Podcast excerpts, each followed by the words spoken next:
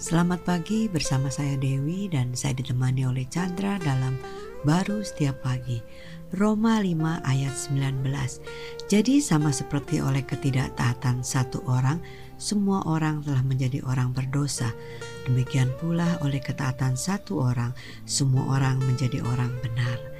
Ini kan kita bicara mengenai ketidaktaatan Adam dari awal pertama ya. Padahal kalau kita ngelihat itu ketidaktaatan Adam itu kan dan Hawa karena dia tidak percaya bahwa Tuhan itu sudah menciptakan dia segambar dan serupa dengan Allah gitu kan.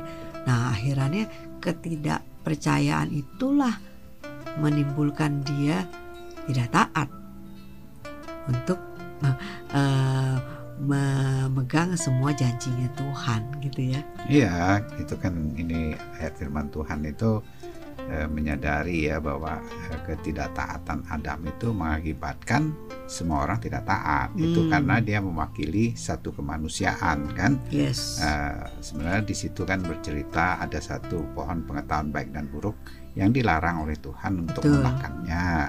E, karena digoda oleh si jahat dia justru balikan bahwa you makan ini kamu akan serupa seperti Tuhan. Padahal ya, sebenarnya sama. ya sudah dijadikan serupa segambar dengan uh, Tuhan kan? Uh, sehingga dia tinggal perlu percaya aja kan terus gitu walaupun kan? Walaupun digoda walaupun dikatakan si jahat bahwa kalau kamu makan baru serupa. Iya tapi ya dia akhirnya di goda sedemikian rupa perjalanannya dia jadi nggak percaya kan hmm. nah, ketika dia nggak percaya timbullah keinginan hatinya untuk melakukan hmm. tindakan itu sehingga timbul ketidaktaatan hmm tapi ketidak ketidakpercayaan itu menimbulkan ketidaktaatan mengakibatkan semua hmm. orang jatuh di dalam dosa sehingga dapatkah orang memulihkan dari keadaan dia yang tidak taat itu yang, yang tidak percaya sih. itu yang sudah ada konsekuensi kematiannya itu itu tentu iya, nggak bisa kan betul. ya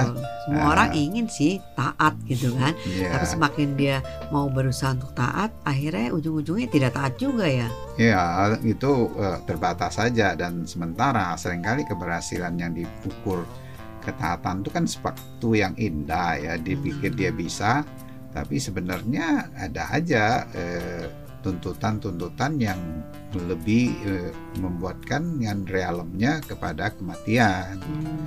ya gitu sehingga bagaimana nih jalan keluarnya bagi manusia yang di mana kehidupannya ya sudah jatuh ya hidup dosa ya hidup yang, yang tidak taat hmm. eh, hidup yang tidak bisa mempercayai lagi kepada Tuhan itu walaupun ya ada agama yang dia bisa percayai kan hmm. Uh, jalannya gimana menurut kamu?